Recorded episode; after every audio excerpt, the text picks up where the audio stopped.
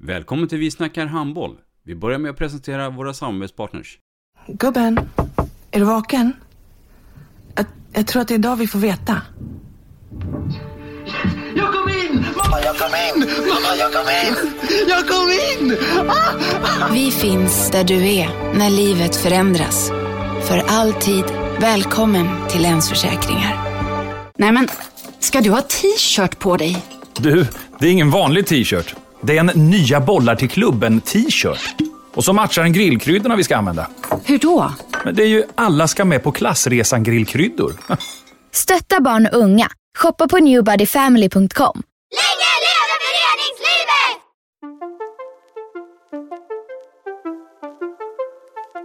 Välkommen säger vi till dig som lyssnar till den bästa handbollspodden. Vi snackar handboll med Robban Z och gäster. Vi snackar handboll, där du får veta alla sanningar som du inte visste att du missat. Vi snackar handboll. Idag i programmet Vi snackar handboll så har vi ett tema som jag tror är eh, rätt intressant för många. Vi ska nämligen prata att vara ungdomstränare. Och då är det perfekt att ha Magnus Elmgren här i studion. Mycket, mycket varmt välkommen Magnus. Tack så mycket, trevligt att vara här. Magnus Elmgren, född 11 maj 1972. Berätta nu vem du är. Uh, oj, ja, men jag är väl en handbollsnörd först och främst kan man väl säga. Jag började spela handboll, faktiskt så kom jag på det idag, det är 40 år sedan jag började spela handboll. Och efter kanske 5-6 år så blev jag även intresserad av att bli tränare. Ramlade in i det Täby handbollsklubb som jag tillhörde då. Eh, och nu faktiskt. Och eh, sen har handbollen hela tiden varit en viktig del av mitt liv. Jag kom väl på någonstans där i 25-årsåldern att jag kanske borde göra någonting annat än att spela handboll. Så då började jag plugga. Eh, och eh, tänkte att jag skulle dra ner lite på handbollen. Men eh, studier på högskolan funkar ganska bra med en idrott. Så att, jag växlade upp istället. Så jag började bli både tränare och spelare samtidigt. Och sen mm. har det fortsatt så egentligen. Mm. Familjesituationen då, hur ser den ut? Jo, men jag har ju... Mamma, en... pappa och så vidare och så vidare. Berätta. Eh, nej men, eh, jag har alltid haft bra stöd av mina föräldrar i, i handbollen och med plugg och allting. Det har funkat jättebra. Eh, min familj, som min närmaste familj nu, min fru Elisabeth och min son Ludvig, de är ju också jätteinne i handbollen. Ludvig spelar och Elisabeth är lagledare i, i det ungdomslag som vi, som vi har tillsammans. Mm. Att det blev handboll, och, var det naturligt för dig eller kunde du har blivit någon annan sport? Jag tänker när du var som ungdom. Ja men precis. Nej, men jag spelade fotboll som många gör. Eh, var väldigt dålig på det faktiskt. Eh, men så hade jag, alla mina kusiner spelade handboll eh, och min farbror var ordförande. Så det var de som fick in mig på handbollen och sa att ja, men, du ska befinna dig den tiden där i Tibblehallen. Och så började det och sen fastnade jag direkt. Släppte fotbollen och det blev bara handboll. Mm. Och Tibblehallen det är ju då hallen i Täby. Eh, är det en äkta Täbybo vi har det här i, i podden nu? Eh, Eller var kommer du från, från början? Jag är född på Nacka sjukhus. Vi bodde på Djurö när jag var liten. Eh, men när jag var fem flyttade vi till Täby och sen har jag i stort sett bott där kan man säga. Mm. Ma Magnus som eh, skolelev då? Hur var han? Eh, Magnus som skolelev var eh, ja, men, hyfsat seriös ska jag säga. Hade lätt för idrott eftersom det var, tyckte jag var kul. Eh, engelska hade jag väldigt lätt för för att det eh, kom mycket från att man såg mycket på film och var intresserad av vad som hände ute i världen.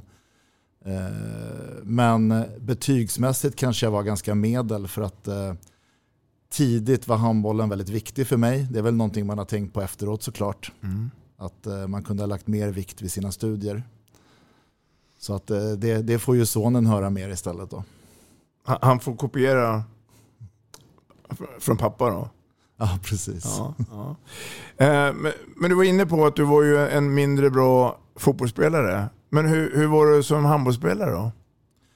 Ja, men jag, var, jag var helt okej. Okay. Som ungdomsspelare så var jag väl helt okej. Okay. Sen var kanske inte vårt lag så jättebra.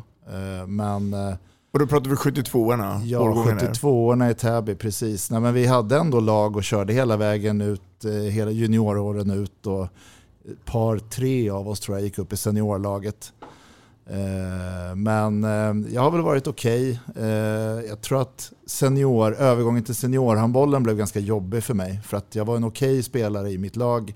Hade väldigt svårt med konkurrensen när jag kom upp i seniorhandbollen. Så att ganska tidigt så blev jag en, en spelare som försökte utveckla många sidor som jag kanske inte hade gjort som ungdomsspelare. För att jag ville, jag ville komma upp och spela på så hög nivå som möjligt men insåg att konkurrensen kanske var lite för tuff där jag hade varit som bäst. Så jag fick försöka bredda mig. Var, var hittar vi dig på plan? Vilken Eh, position hade du? Ja, men när jag var ungdomsspelare var jag vänsternia. Mm. Det är ju min son också nu så det, det är väl lite logiskt kanske. Du är alltså en utpräglad skytt eller? Ja, det var Ja. jag. Men sen när jag var seniorspelare så räckte inte riktigt till. Hade inte skött fysen kanske riktigt ordentligt. Den började jag ta tag i som seniorspelare. Eh, och eh, när jag fick chansen att spela på lite högre nivå då, då gick jag in på de positionerna där det fanns plats lite grann. För att jag skulle få pröva på och få erfarenhet. Eh, Under den här resan då, när, när, i din egna karriär och du kom upp sen i senior- seniorlaget så misstänker jag att en hel del kompisar och, vänner till har ju slutat. Ja, Vad beror det på då? Är det det klassiska att man fick andra intressen eller att man var för dålig eller mindre bra som vi brukar säga? Eh, Jag, jag tror att det är andra intressen framför allt faktiskt. Alltså det, eh, jag har ju som sagt alltid, handbollen har legat mig väldigt nära hela tiden. Så även fast jag har haft perioder när det har gått ner lite i, i tid kanske för mig i handbollen så jag har alltid tyckt att det var det roligaste och det jag brunnit för. Det tror jag man måste ha om man ska hålla på länge. Det, det går ju någon magisk gräns där vid seniorhandbollen där det blir lite mer på allvar och man hamnar i en ny miljö. Det är mycket som händer och det är mycket som händer i livet. hade du förebilder eh, när du själv spelade? Absolut. Vilka var det? Eh, nej men jag är ju uppväxt med Bengan Boys eh, eran. Så att eh, Magnus Wislander var väl min första förebild. Eh, så, och lite olikt mina kompisar så har jag alltid tyckt att försvarsspelet kanske var det roligaste och där tyckte jag att han var bäst. Han var jättebra bara framåt också men försvarsspel har jag alltid brunnit för mycket. Mm, ja. Härlig inramning där då. I takt med tiden så blir ju du, även du äldre, precis som vi alla andra här då. Eh, och eh, jag misstänker att du gör ett val här också, för sen kommer vi in på det som vi ska egentligen prata mestadels av, och det är att vara tränare. Ja. Hur, hur, hur fick du det intresset då? Nej, men det började med, jag tror att jag var kanske sista års A-pojk eller något sånt. Och så fick jag frågan från klubben om jag kunde ta ett lag.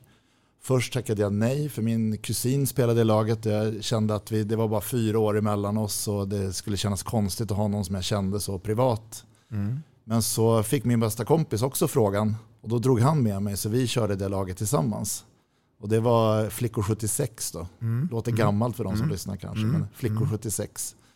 Eh, och eh, ja, men jag tyckte det var kul så att eh, efter ett par år så tog jag ett eget lag. Tog ett, ett nytt tjejlag. Sen hade jag några tjejlag i rad i Täby medan jag spelade. Eh, sen så när jag började plugga, jag började plugga ganska sent, jag var 26 eller något sånt. Då, då släppte jag tränarrollen lite grann. Eh, för jag ville fokusera på plugg och sen så började jag fokusera på spel istället. Då, för jag hade ju tid att träna, jag hade tid, tid att spela. Jag var uppe i Sundsvall och pluggade en sväng. Eh, Där sprang jag på dig Robban vid något tillfälle, kommer jag ihåg. Mm. Stämmer det? Eh, Ja. Och eh, när jag flyttade ner då, då fick jag chansen att eh, spela med Bolton som precis hade tagit klivet upp i gamla ettan då. Eh, så det var serien under allsvenskan, eller elitserien, samma år faktiskt som Hammarby och eh, Djurgården gick upp. Så det var mycket rolig handboll i Eriksdalshallen på här sidan då. Eh, och då, då tog jag faktiskt upp tränarbiten igen. Och det gjorde jag för att eh, det var eh, spelare som jag själv hade tränat hade blivit tränare. Och då kom de och bad mig, men vi vet att du spelar mycket handboll nu, men kan inte du komma och hjälpa oss en dag i veckan för att komma vidare? Hur tänkte du då? då? Ja, men jag, jag tyckte det lät kul. Alltså jag, jag la väldigt mycket tid på handbollen, så var Ja. det. Och då hade jag pluggat klart också och börjat jobba. För det är oftast det vi har mest kanske bekymmer med, det är tiden. Ja. Att den ska räcka till. Ja. Ja, men jag har en kompis som brukar säga det att men Magnus han har all tid för handbollen. Han kan alltid prioritera handbollen. Och det är väl en sanning med modifikation. Men eh, det har nog stämt ganska bra eh, överens på mig om man tittar bakåt. Vi, vi pratar ju förebilder då. Jag, jag tänker på eh, när du var som ungdomsspelare. Ha- Hade du några förebilder som tränare då? Alltså le, ledare som var nära dig? Som har betytt mycket för dig? Ja. Och så vilka, vilka är det? Nej men så är det ju. Eh, min största förebild skulle jag nog säga, som jag haft med mig de senaste 20 åren i tränarkarriären, där jag kan säga att kanske min tränarkarriär har tagit lite fart. Eh, det var att när jag var i Bolton då så eh, hade jag Bror Sjöholm Mm. eh, som hade spelat länge men tagit klivet åt sidan för att, för att ta oss i Bolton. Och han jobbar ju väldigt mycket med teambuilding och vinnande lagkoncept och så vidare. Mycket för, för individerna och spelarna. Och det där tog jag med mig så att jag har haft mycket kontakt med Bror under åren och vänt frågor med honom. Och faktiskt använde honom som mentor ett år också när jag var i IK Bolton. Mm. Första tränarutbildningen, kommer du ihåg den? Det gör jag faktiskt. Ta oss igenom den. Ja, men jag är ju en, en av dem då som är så gammal så jag har gått trän, tränarskolan två gånger. Eh, jag gick min T1 då som den hette. Eh, säkert arrangerad av Stockholms handbollsförbund på den tiden. Eh, den gick jag i, ute i Farsta. Gick jag den. Jätteintressant. Man fick ju en helt annan bild av att vara tränare. Alltså man, man tyckte ju själv när man kom dit, ja, jag kan det här.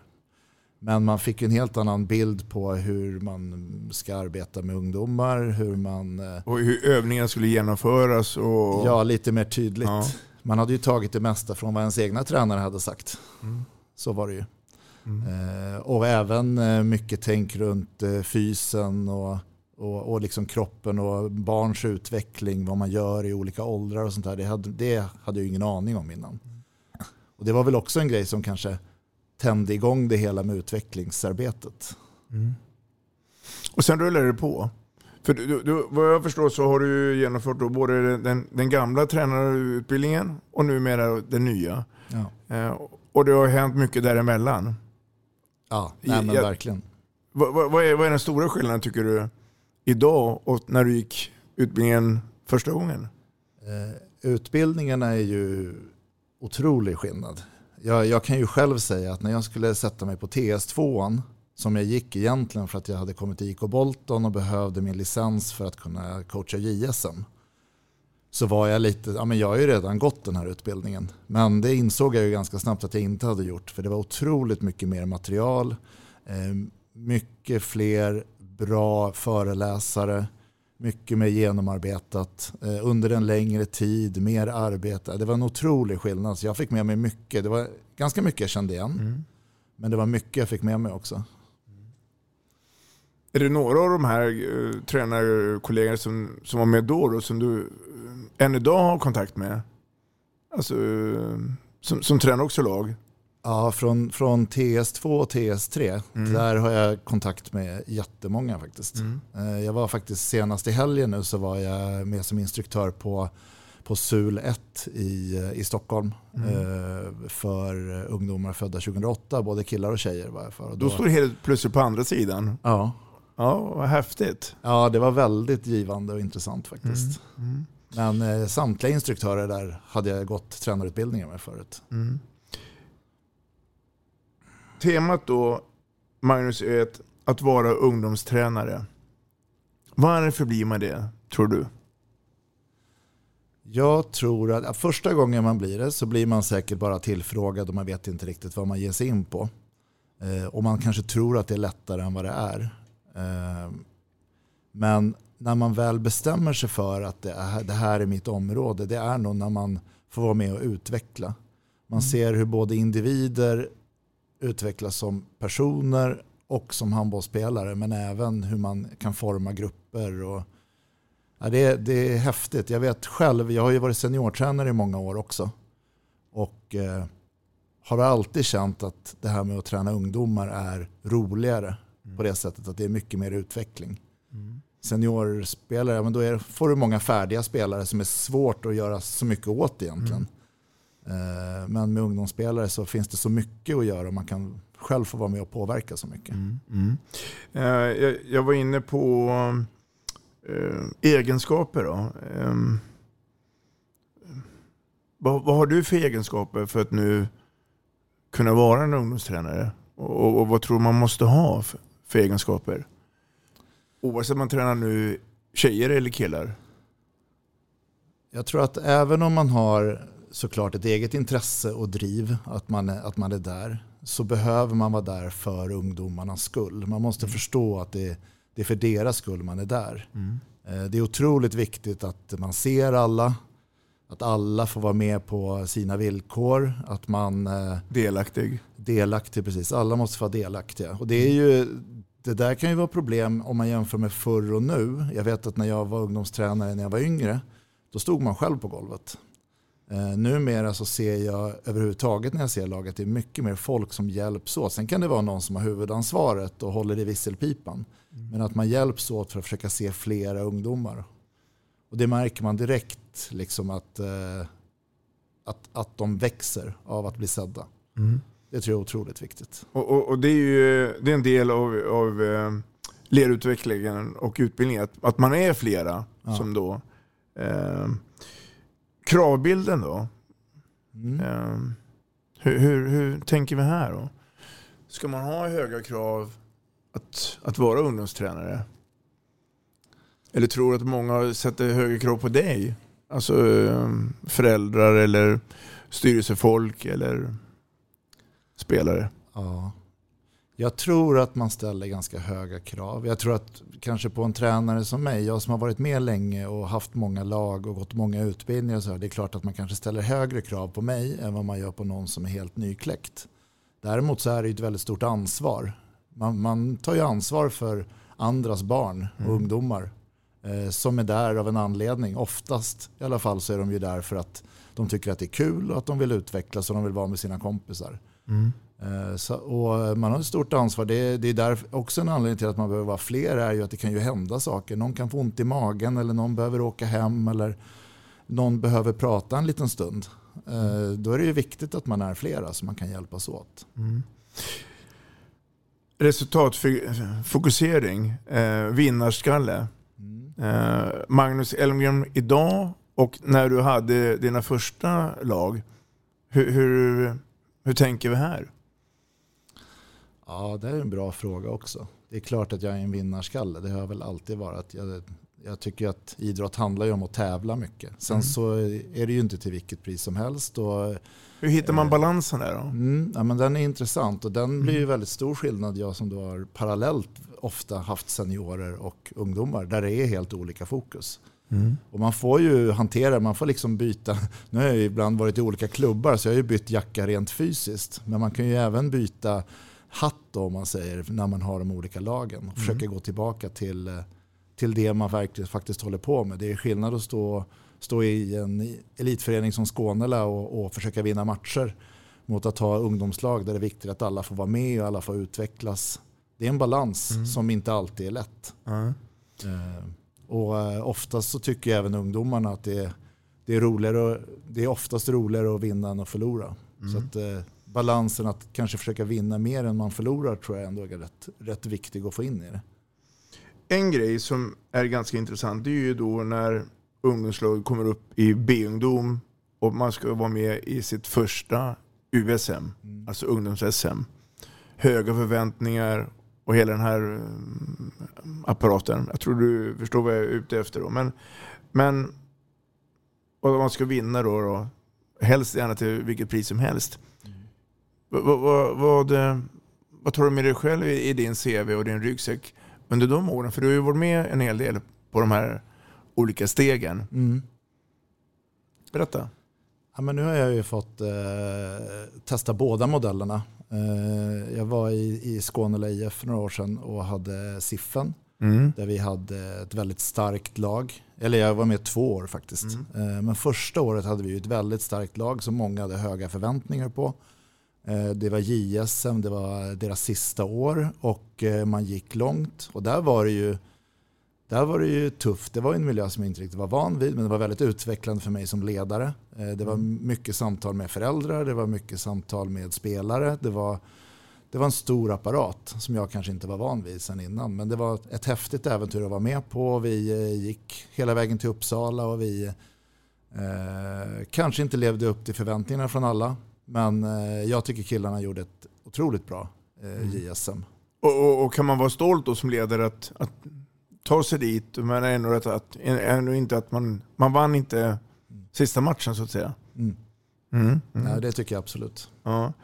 Ehm, hur, hur, hur, tycker du man ska tackla det här med ehm, kritik och det? För jag misstänker att du har ju fått en hel del kritik under alla åren från föräldrar. Eller, ehm, har det hänt någon gång att du sagt att här har du pipan, ta, ta hand om träningen själv? Eller? Nej, jag har, så långt har jag nog aldrig gått. Men eh, jag tror att jag har väl däremot det, det, du, eh, det du egentligen säger, som jag tolkar i alla fall, har jag väl gjort. Jag har pratat om att det kanske inte alltid är så lätt. Man får försöka sätta föräldern i ens egen position Mm. när det händer. För Jag har otroligt lite sån kritik faktiskt och det är jag ju väldigt tacksam för. Mm. Men kommer det så, så behöver man ju bemöta det och ibland behöver man backa och säga ja, nej, men det var det, så är det ju. Det måste vi ju göra någonting åt. Och sen ibland så kan det faktiskt vara så att föräldern inte har tänkt på att det finns ganska mycket tankar bakom de beslut som har gjorts eller eh, de tankarna som finns. Mm. Och, och det gäller att vara tydlig hela tiden. Det är det absolut viktigaste. Mm. Och det är också väldigt viktigt. Och det fick jag också med mig mycket när jag bollade saker med Bror Mm. för några år sedan. Att, eh, jag menar, att vara tydlig men även ta saker när det händer. Att man inte väntar, att man tycker någonting är obekvämt och så väntar man lite. För då blir det ofta större. Mm. Det är bättre att ta det direkt och försöka lösa situationen. Jag tänkte du skulle få berätta lite grann om eh, det laget som du har idag och det laget också som du har haft tidigare. För det har varit en resa nu med den här årgången. Eh, berätta lite grann så ska vi se om vi ska flika in här. Då. Men, men eh, det är ett framgångsrikt lag eh, och ni tränar ju mycket. Ja. Hur, hur, hur, hur tänkte vi här då när du, när du fick det uppdraget? Ja, när jag fick uppdraget så tänkte jag väl, väl så här att jag var seniortränare, spelade fortfarande och så hade jag en son som ville börja spela handboll. Han hade provat lite på lite så här bolllekis och tyckte men det här är ju inte handboll. Han hade ju hängt med mig i alla hallar och visste ju vad handboll var för någonting. Men så blev det handbollsskola så då anmälde vi honom dit. Han tyckte det var kul och då var det en, en pappa där som tyckte att men det finns så många 07 i det här laget. Ska vi inte bryta ut laget så blir du tränare. Jag, jag fixar allt administrativt runt om. Ja men ja, okej då, så jag, men bara, bara är du med på att du måste hoppa in när jag har seniormatch eller sådär. Ja men absolut. Och så gick det väl två veckor på den nya säsongen och så slutade han och hans son. Så då stod jag där själv. Men då hade jag otroligt många bra föräldrar i gruppen som kunde hjälpa mig. Eh, och eh, ja, det har varit en otrolig resa med det här 07-laget faktiskt. Det- det- En annan diskussion som oftast kommer upp på tapeten det är ju att träna sitt eget, sin egen son eller sin egen dotter. Mm. Hur, hur, eh, hur ska man tackla en sånt då? För du, du, du har ju gjort både och här. Ja. Jo, nej men precis. Det är ju ingenting jag har strävat efter. För jag har ju själv både hört och sett både bra och dåliga exempel på, på hur det har blivit. Eh, Och jag har även haft spelare som, som har haft sina föräldrar som tränare och, och man har hört historier och sådär. Det, det, jag tror att det både kan funka bra och det kan bli väldigt fel. Det beror väldigt mycket på vad man har för relation såklart, men även hur man hanterar det som, som ledare, tränare. Eh, Har du varit tuffare mot din egen son eh, i vissa tillfällen? Eller har du försökt behandla alla lika? Jag, jag har alltid försökt behandla alla lika. Eh, men jag kan nog vara lite tuffare mot honom ibland. Mm. Så kan det nog vara. Mm. Eh, Så att vi ser det? Eller är det mer att, ni, ni, att du är tuffare mot honom i, hemma i sovrummet eller i bilen? Eller? Nej, han kan, han kan absolut få lite feedback på väg hem i bilen. Så. Men den, den är nog rätt konstruktiv tror jag. Eh, nej, men jag kan nog... Det, det är ju så, det, det, blir ju mer personligt. Mm. Så eh, det är klart att en reaktion mot honom kan bli mer personlig än vad den blir mot en annan spelare i laget som blir mer professionell om man ska uttrycka sig så. Då. Men eh, jag tror överlag har det funkat väldigt bra. Mm. Jag, jag ville som sagt inte riktigt bli hans tränare från början men hade väl en känsla av att jag skulle kunna bli en sån där jobbig förälder som sitter bredvid och tycker en massa om jag, om jag inte var Nej, med på då golvet. är det lika bra att vara med. Då Och, kunde jag lika ja, jag förstår det. Ehm, svårigheten att vara ungdomstränare. Mm. Finns det sånt? Eh, ja, gud, jag vet inte var man, var man ska börja. Det är tur att det ger så mycket och att man tycker att det är så kul. För det är klart att det finns mycket svårigheter. Det, det är ju en massa individer man tränar. Så det är ju så mycket mer än handbollen. Handbollen är ju inom situationstecken det enkla. Mm. Det svåra är ju eh, att skapa en grupp och att eh, försöka i alla fall se till att alla har det bra. Det, det är ju det svåraste. Mm. Ehm, jag skulle säga att eh, eh, nej, men det, det, det, är man vill se till att alla har det bra. Det, det tror jag är det svåraste. För Mm. att som sagt, handbollar, det finns utbildningar, det finns folk att fråga. Handbollen löser man liksom. Man kan ta in gästtränare.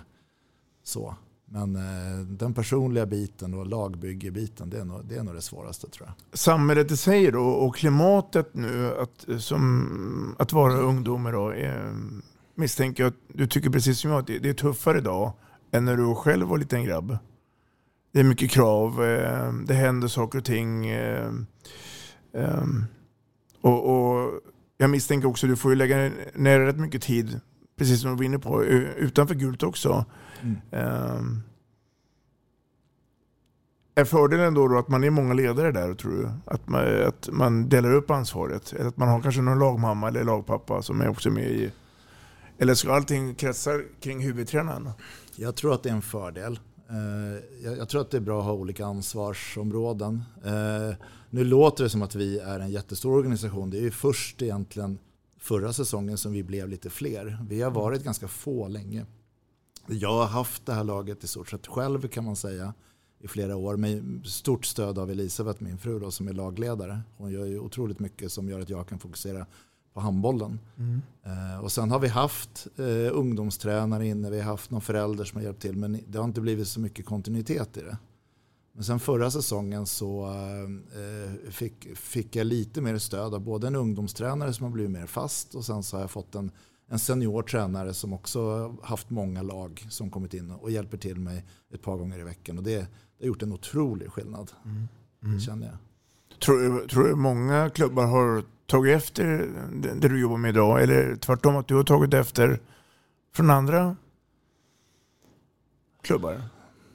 Det är en bra fråga. Jag har ju försökt, eh, jag vet eh, allt det här röda tråden-arbetet som man kan göra, det tycker jag är ett viktigt arbete som man kan göra i klubbarna. Mm. Samtidigt så tycker jag att eh, det material som finns idag hos förbunden är någonting man kan utgå från väldigt mycket Mm. när det gäller just röd tråd. För där har du väldigt mycket av den typen av information.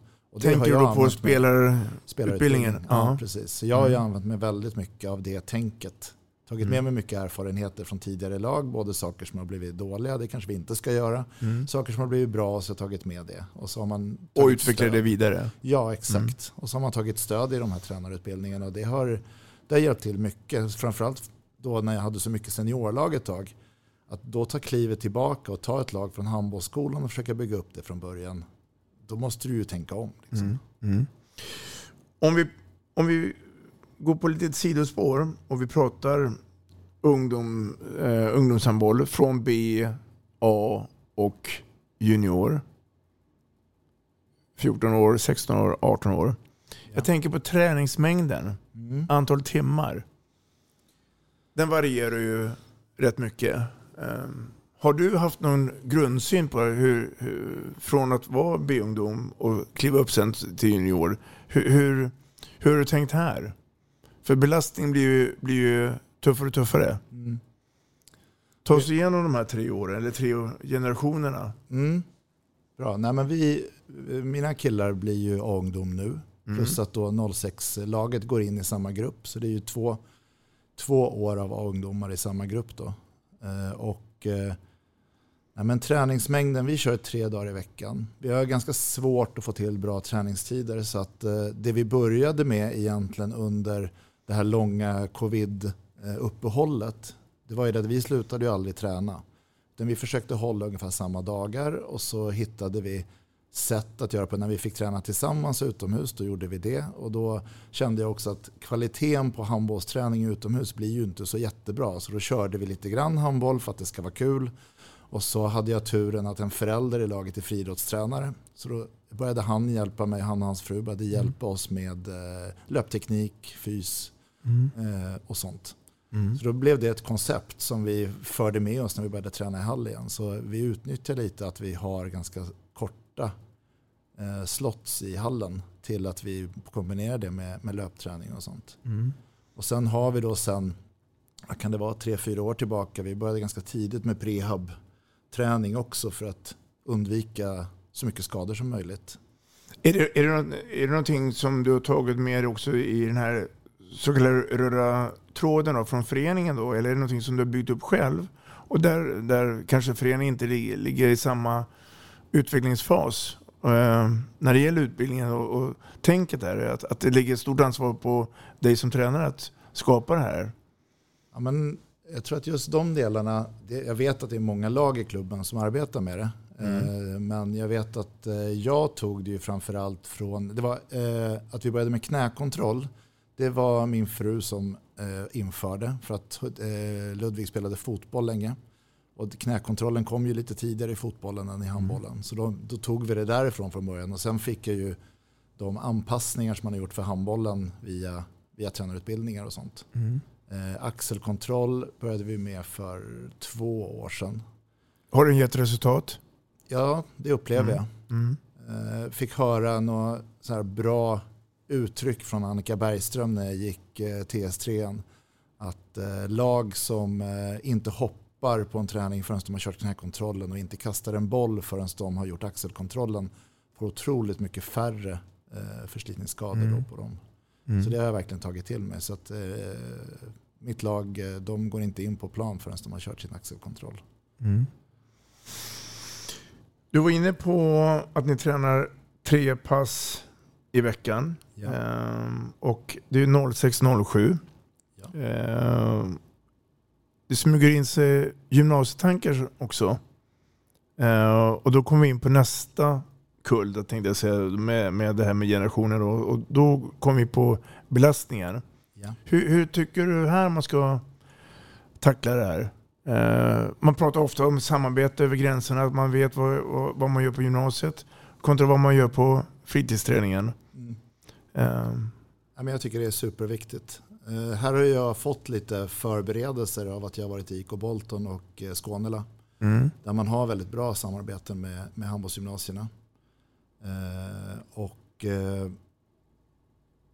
redan nu vet jag, nu gick, började ju 06orna på handbollsgymnasium. Och då har jag pratat med deras lärare redan som har tagit kontakt med mig och, och pratat om hur tränar ni i veckan? Så här tränar vi i veckan och så hittar vi en bra balans för de här spelarna. Så att, Mm. det, så att det inte ska bli för stor belastning. mm, Så mm. att, eh, jag upplever att det är ett bra samarbete mellan handbollsgymnasierna och, eh, och klubbarna. I alla fall Mm. ur mitt perspektiv. Mm, mm. Har- Du har säkert kanske hört åt andra hållet också då? Eh, det har jag. Sen är det är lite svårare för en del klubbar. Jag vet som i Skånela, där är man ju väldigt nära varandra. Är man tränare i Skånela och har ungdomar som går på Arlanda gymnasiet, ja, men då har man ju gemensamma tränare. Och man, det är ju det är ett väldigt nära samarbete. Mm. Medan är du i någon annan klubb så kan du ju ha dina spelare utspridda på tre handbollsgymnasium. Och då, då gäller det att hitta en bra, för det är inte säkert att de har samma Nej. balans. Och då, du vill ju hitta bra, en bra lösning för både laget och individen. Mm. Mm. Styrketräning, Ja. är det nödvändigt? Eh, ja, du hörde ju min bakgrund. Jag började ju styrketräna efter jag var 20.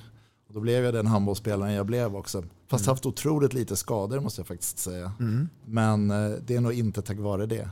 Mm. Nej, styrketräning är jätteviktigt. Mm. Eh, viktigt att man tidigt, eh, tidigt går in och lär sig hur man ska göra framför allt. Mm. Vad är tidigt för dig? Eh, tidigt för mig är väl, vi började titta på det, nu blir de ju ungdom. Vi började titta på det kanske när de var förstårs eh, B-pojk. Mm. Eh, men inte med vikter då, utan lära, oss, lära sig teknik. Eh, körde mycket liksom knäböj och eh, utfall och sådana saker, fast kanske inte ut, utan vikter. Men väldigt ofta när vi kört knäböj så har vi hållit händerna långt bakom kroppen till exempel. Så man ska bli bra, bra rörlig inför att man ska börja styrketräna med vikter när man blir äldre och så vidare. Mm. Och som sagt knäkontrollen och axelkontrollen har vi ju redan kört ett par år. Är det, är det någon som frågasätter varför vi gör det här? Eller är det, de ställer sig manglat och bara kör? Nej, det är, fakt- det är ingen som ifrågasätter alls. Nej. Eh, Det är väl tiden Mm. eh, som man kan få höra. Liksom att eh, ja, men ska vi träna ännu mer än vad vi gör. Mm. Och vi, vi, vi kör ingen kollektiv styrketräning utan den, den ligger på killarna själv. Jag ställer inga krav där överhuvudtaget än så länge. Och nu när de är handbollsgymnasium då får de ju lära sig ordentligt också hur de ska lägga upp det. Vilket jag tycker jag är jättebra. Mm. Ett bra komplement. Vi går ju in då i en, i en ny säsong som heter då 2022-23. Eh, när du nu planerar då säsongen, eh, vilket eh, man gör tidig vår eller sommar. Hur, hur, hur, hur går dina tankar här? Eh, med allt vad det innebär. Vad, vad, Går man i samma hjul eh, som man gjort tidigare eller försöker man hitta något nytt då? Eller, eh, hur tänker du här? Nej, men man försöker hitta någonting nytt. Eh, vi har inte nämnt det tidigare men jag är ju även då assisterande tränare i herrlaget. Mm. Eh, så där lägger jag en del tid eh, också. Eh, men eh, det är väl så här att ett stort fokus nu det är att få ihop två grupper. Eh, våra 07 och 06 spelar lite olika handboll. Det är lite olika individer som ska ihop i en grupp. Så det har vi lagt mycket tid på här i början. Eh, försöka hitta ett gemensamt spel. Eh, försöka se lite vad den här säsongen egentligen handlar om. Du nämnde att, att eh, 07 är ett, ett framgångs, en framgångsrikt lag. Mm. Det är ju en lite mellansäsong för 07 kan man säga eftersom man spelar mot äldre. Samtidigt så kommer vi ju blanda lagen lite med 07-06. Så att eh, man, man får ju in äldre spelare i laget också. Så att, eh, vi har inte satt upp några direkta mål, resultatmål för den här säsongen. Utan eh, vi, ska göra en riktigt bra säsong. Försöka få med alla. Vi har anmält tre lag i seriespel. För vi är, tror vi är 37 eller 38 spelare nu. Så vi vill ju ha plats för alla att spela. Det är bra det. Mm. Och, då, och då tillhör vi Handboll Öst. Handboll Öst pojkar oss? 16. Ja. Så att 07 får spela mot ett år äldre då. Mm. Seriespel i all ära, men det här runt omkring då? Jag tänker på träningsläger, kupper, eh, föräldramatcher kanske. Eh, Mm. Det är också någonting som ska in i den här ramen av vad man ska hinna med. Eh, Eller blir det så att eh, ju äldre de blir, ju mer får man ta bort? Man får skära bort med osthyveln? Eller hur, hur, tänker den, den sociala tränare Elmgren, hur tänker han?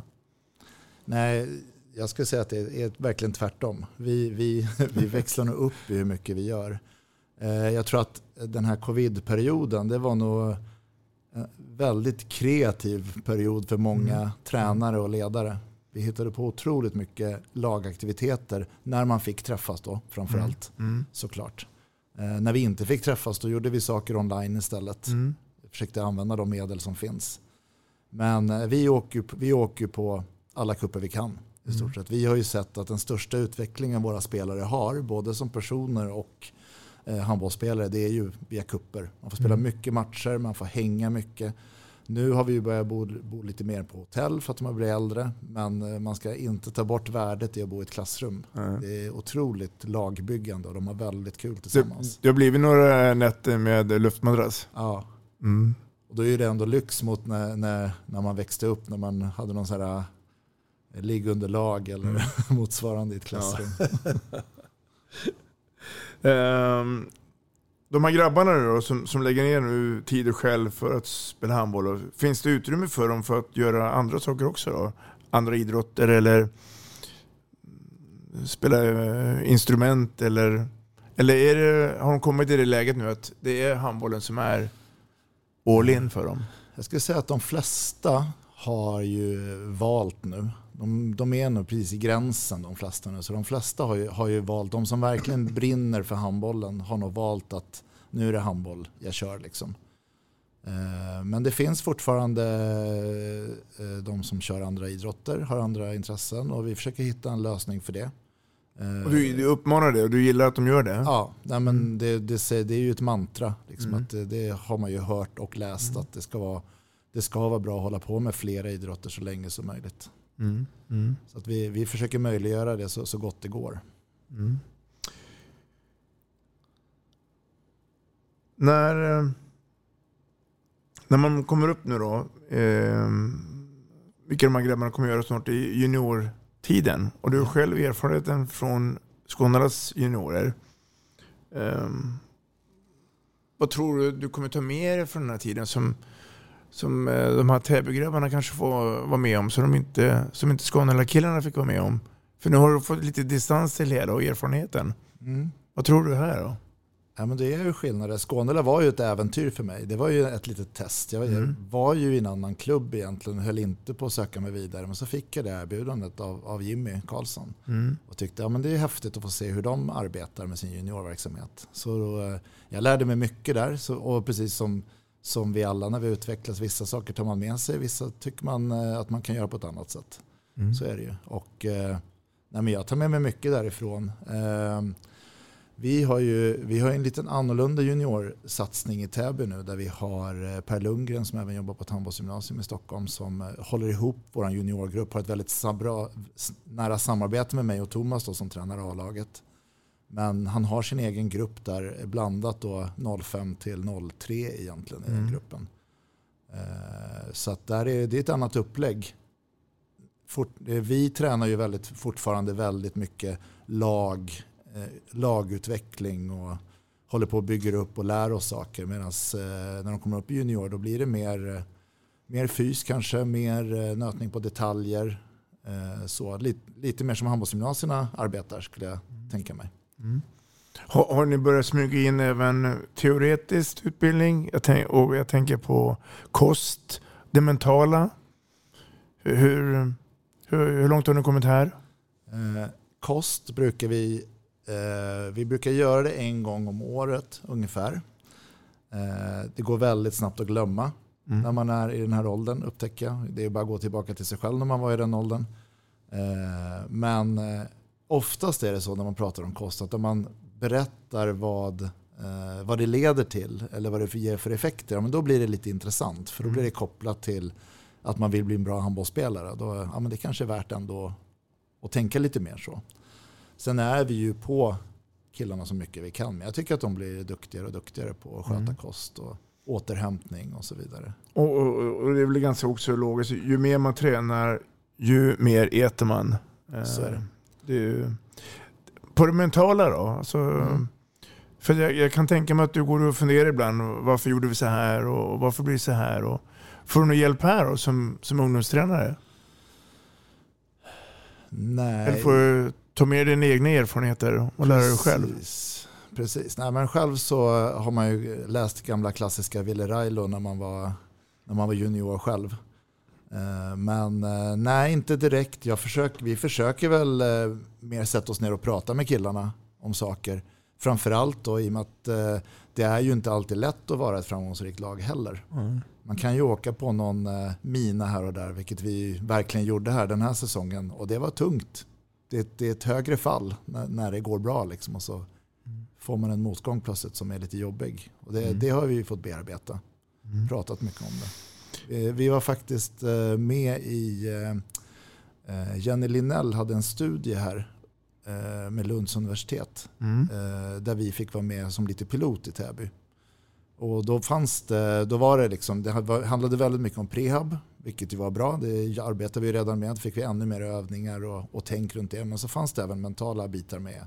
Stanna upp innan en träning och prata lite. Utvärdera efter träning och så vidare. Mm. Där fick vi lite Spännande. faktiskt. Ja. Att vara ungdomstränare är ett krävande, eh, jag ska inte säga yrke, för det är det inte. Man gör det på i princip frivillig basis. Ja. Eh, och vi pratar inte någon större ersättning. Men tror du att det är dags att börja gå lite hårt mot hårt då? Att, att klubbarna ska eh, erbjuda ersättning? För att också kunna ställa krav. Alltså avlönade ungdomstränare. Är det någonting som du tror att vi kommer ha inom en snar framtid? Oh, det var en bra fråga. Det är ju jag, jag, tror ju att det skulle vara bra av den anledning du sa. Att eh, ska man ställa krav på någon och varken har ett kontrakt eller det är ju bara att titta om man anställer någon. Det är svårt att ställa krav på någon som man inte anställt att de ska göra någonting. Eh, samtidigt så tror jag det är svårt i de flesta klubbar att arbeta på det sättet. Mm. I alla fall med oss lite äldre tränare. Eh, ungdomstränare kan man nog ha någon slags tariff för, för att de ska ha intresset och, och hitta in i ledarskapet och så vidare. Men eh, sen tror jag absolut att i, i större elitföreningar, där, där arbetar man säkert redan med det. det. Det hör jag ju när jag, ja men vi var och spelade Göteborg Cup för ett år sedan. Mm. Och så hade vi spelat mot en, en elitförening och så berättade föräldrarna att ja, nej, men det här var ju sista turneringen med grabbarna. Eh, nu tar klubben över och då har man anställda tränare i en viss ålder. Då. Och, och det är så, arbetssättet är det ju säkert inget fel på men jag tror att eh, det är många klubbar som har svårt att arbeta på det sättet. Skulle det kunna hända i Täby HBK tror du? Att man går ut och säger så att eh, nu tar klubben över eh, instruktören och han eller hon får ersättning? Eh, jag, jag, ska säga så här, man vet aldrig. För det, det händer rätt mycket i Täby handboll nu. Det, mm. Man drog igång ett arbete för något år sedan här som där det har hänt väldigt mycket mer än vad det har hänt liksom sen jag var eh, ung spelare i Täby. Så att, eh, det händer väldigt mycket spännande saker i Täby. Och, eh, jag får väl återbesöka podden om ett par år för att mm. se, se vad som har hänt. Men mm. eh, ingenting är omöjligt skulle jag tro. Mm. Jag tror inte det finns några sådana planer just nu. Men det händer väldigt mycket spännande saker. Mm. Svensk ungdomshandboll överlag. Men, är vi på rätt spår? Eller är det någonting du tittar på andra länder som de har som inte Sverige har. Jag tänker exempelvis på klister, hanteringen där. Ska vi börja tidigare? Eller ska vi gå åt andra hållet, bort med klistret och jobba med andra tekniska saker? Hur, hur, hur tänker vi här?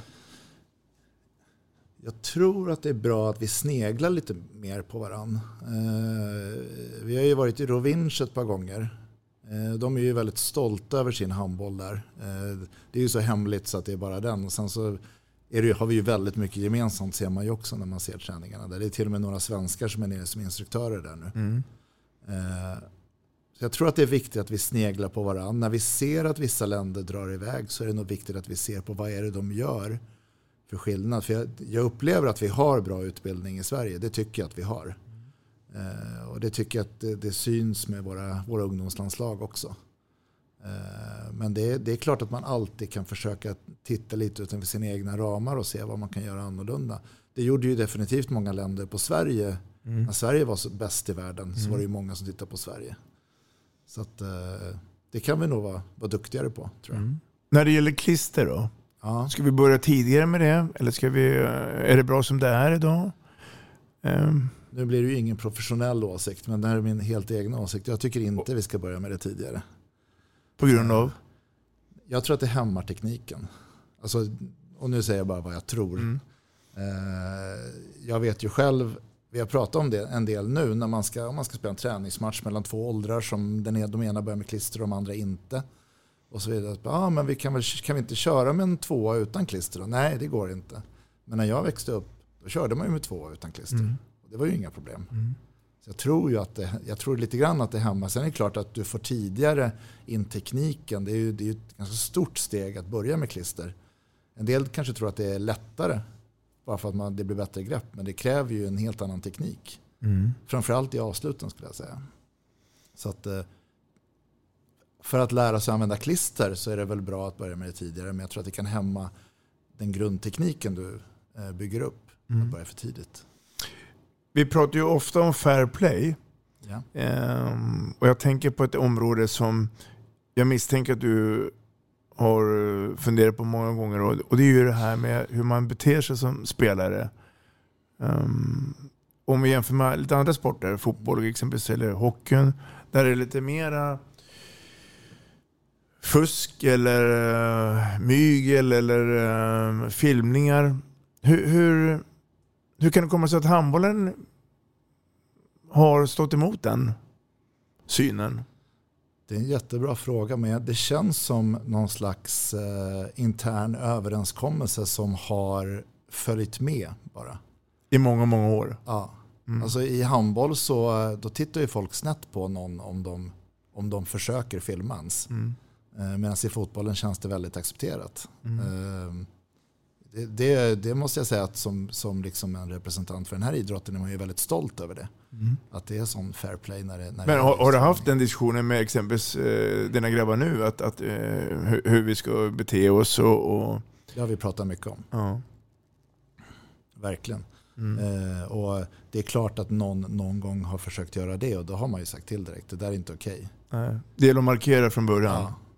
Och då, jag tror inte att det, i den, när man är yngre tror jag knappast att man gör det för att, kanske för att man har sett på fotboll, jag vet inte, man har någon idol som brukar göra det, men då tror jag man gör det lite för att vara rolig mer än man, om man säger seniorspel. Där kan det ju vara för att få en fördel snarare i, i matchen. Mm. Nu har ju du några års erfarenhet eh, att vara ungdomstränare. Om du nu här i podden skulle prata fritt från hjärta och hjärna då, till de nu som funderar på att bli tränare, ungdomstränare. Vad, vad tycker du att de ska ta med sig nu? Eh, om du skulle vilja sammanfatta och summera Mm. den här härliga diskussionen vi har haft. Nej, men, eh, jag tror det är otroligt viktigt. Det finns flera saker såklart. Eh, det är viktigt att du är en person som, som gillar att ge. Alltså du, du, du måste vara, förstå att när man är där så är man där för barnens skull. Eh, man vill eh, ge dem vad man kan av sina egna kunskaper, av livserfarenheter. Eh, man vill se till att alla har det bra, att alla utvecklas i en bra takt. Men sen är det också väldigt viktigt, den här diskussionen har vi haft lite nu också i, i vår egen klubb, det här med kompetens. Att förr i tiden var det väldigt vanligt att man, när man hade unga tränare, att man slängde dem på de yngsta lagen. Och så fick de stå där själva. Det tror ju inte jag på. Utan jag tror att det är väldigt viktigt att det finns, med, finns mentorer i klubben som kan hjälpa till. För att eh, man gör inte barnen någon tjänst genom att bara leka när de är små. De ska leka jättemycket. De ska klättra och kasta och, och springa och göra alla de här roliga sakerna. Men de måste också få lära sig handboll från början. Och det är svårt att lära grundteknik när man blir för gammal. Så att få in det tidigt. Och är det så att man inte har den kompetensen i gruppen, ta hjälp av någon annan tränare i klubben. Någon som har lite mer erfarenhet. Man kan ha tematräningar, man kan göra massa sådana saker. Så Mycket teknikträning med andra ord. Ja, mycket Mm. teknikträning. Mm. Där kan du nog fråga vem som helst på Rovinjlägret. De Mm. pratar ju bara grundteknik. Mm. Och det andra kommer med tiden. Att jag tänker på fysen och, och Ja, hela den här biten. Mm. absolut. Och gå, gå tränarutbildningar eller ha någon av tränarna i gruppen som går tränarutbildningar. i alla fall, Så man Mm. kan sprida budskapet. Mm. Och att det finns må- många engagerade runt om. Som sköter de här sociala och roliga sakerna också. Så man har ett team. Liksom. Vad, vad är din känsla då? Eh, Tror du att det är idag, 2022, tuffare nu att hitta de här uh, ungdomstränarna som, som du, du är inne på? eh, som, och som handbollen behöver? För vi har ju en hel del konkurrens. Verkligen. Studier, ut och resa världen, jobb. Samtidigt som handbollen vill utvecklas. Vi ska, vi ska vara på flera ställen i Sverige. Och, Ja, jag upplever ju att det finns fler bra tränare idag än vad det fanns när jag växte upp. Mm. Eh, Det upplever jag, så jag ty- tycker inte att det ska vara ett problem. Jag förstår konkurrensen med, med, med utbudet, att det finns annat. Men eh, jag tycker det finns otroligt många duktiga tränare som kan hjälpas åt och, göra det bättre och, hjälp, lyfta varandra. Då tror jag det kan bli jättebra. Magnus Elmgren om fem år, vad har vi honom då någonstans? Tror du? Ja, det är ju en jättebra fråga. För nu, nu har jag ju haft lite min eh, framtid uppstakad här med, med Ludvigs karriär. Mm. Eh, Men han är ju A-pojk nu. Och om, eh, om Om några fem år, år så har han gått in i seniorsammanhang. Ja men exakt. Så att eh, jag tror att jag kommer ha svårt att släppa den här tränarbiten. Mm. Så det gäller väl bara att hitta nästa utmaning i så fall. Jag tror jag kommer ha svårt att börja om i handbollsskolan igen. Det tror jag. Men Mm. eh, någon slags instruktör, instruktörsroll kommer jag vilja ha. Jag tycker det är väldigt kul. Kan det vara så att eh, din son Ludde kan bli ungdomstränare på sikt? Tror du det? Man vet aldrig. Han gjorde sin, sin första försök nu. Vi hade Täby Summer Camp här för ett par veckor sedan. Mm. Här uppstartsläger. Och då, eh, då var han med som ungdomsledare. Det var första året som 07 inte deltog som spelare. Så då var Du med som instruktör? då var han med som instruktör Ja. i en grupp. Då. Mm. Jag tror han tyckte det var ganska kul. Lite blodad tand kanske? Ja, jag hoppas Ja. det. Magnus Elmgren, nu är det så att eh, tiden har kommit ikapp oss. Det har varit en eh, ära att ha haft det här i podden Vi snackar handboll. Jag hoppas att det är ömsesidigt. Absolut, det var jättetrevligt.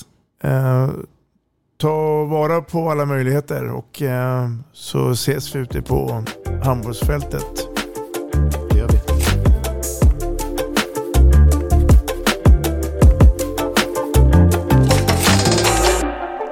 Vi snackar handboll, där du får veta alla sanningar som du inte visste att du missat. Vi snackar handboll. Vi snackar handboll produceras av produktionsbolaget High On Experience, från vision till passion. Ett avslutande tack till våra samarbetspartners. Hallå! Kommer ni eller? Ja, ja. Har du sett mina ankelsockar? De här? Nej, nej, jag menar skridskoslip till juniorlaget Ankelsockarna. Ja, men kolla bredvid träningsläger med handbollstjejerna-t-shirtarna. Stötta barn och unga. Shoppa på newbodyfamily.com. Länge! Gubben, är du vaken? Jag, jag tror att det är idag vi får veta. Jag kom in! Mamma, jag kom in! Mamma, jag kom in! Jag kom in! Ah! Vi finns där du är när livet förändras. För alltid välkommen till Länsförsäkringar.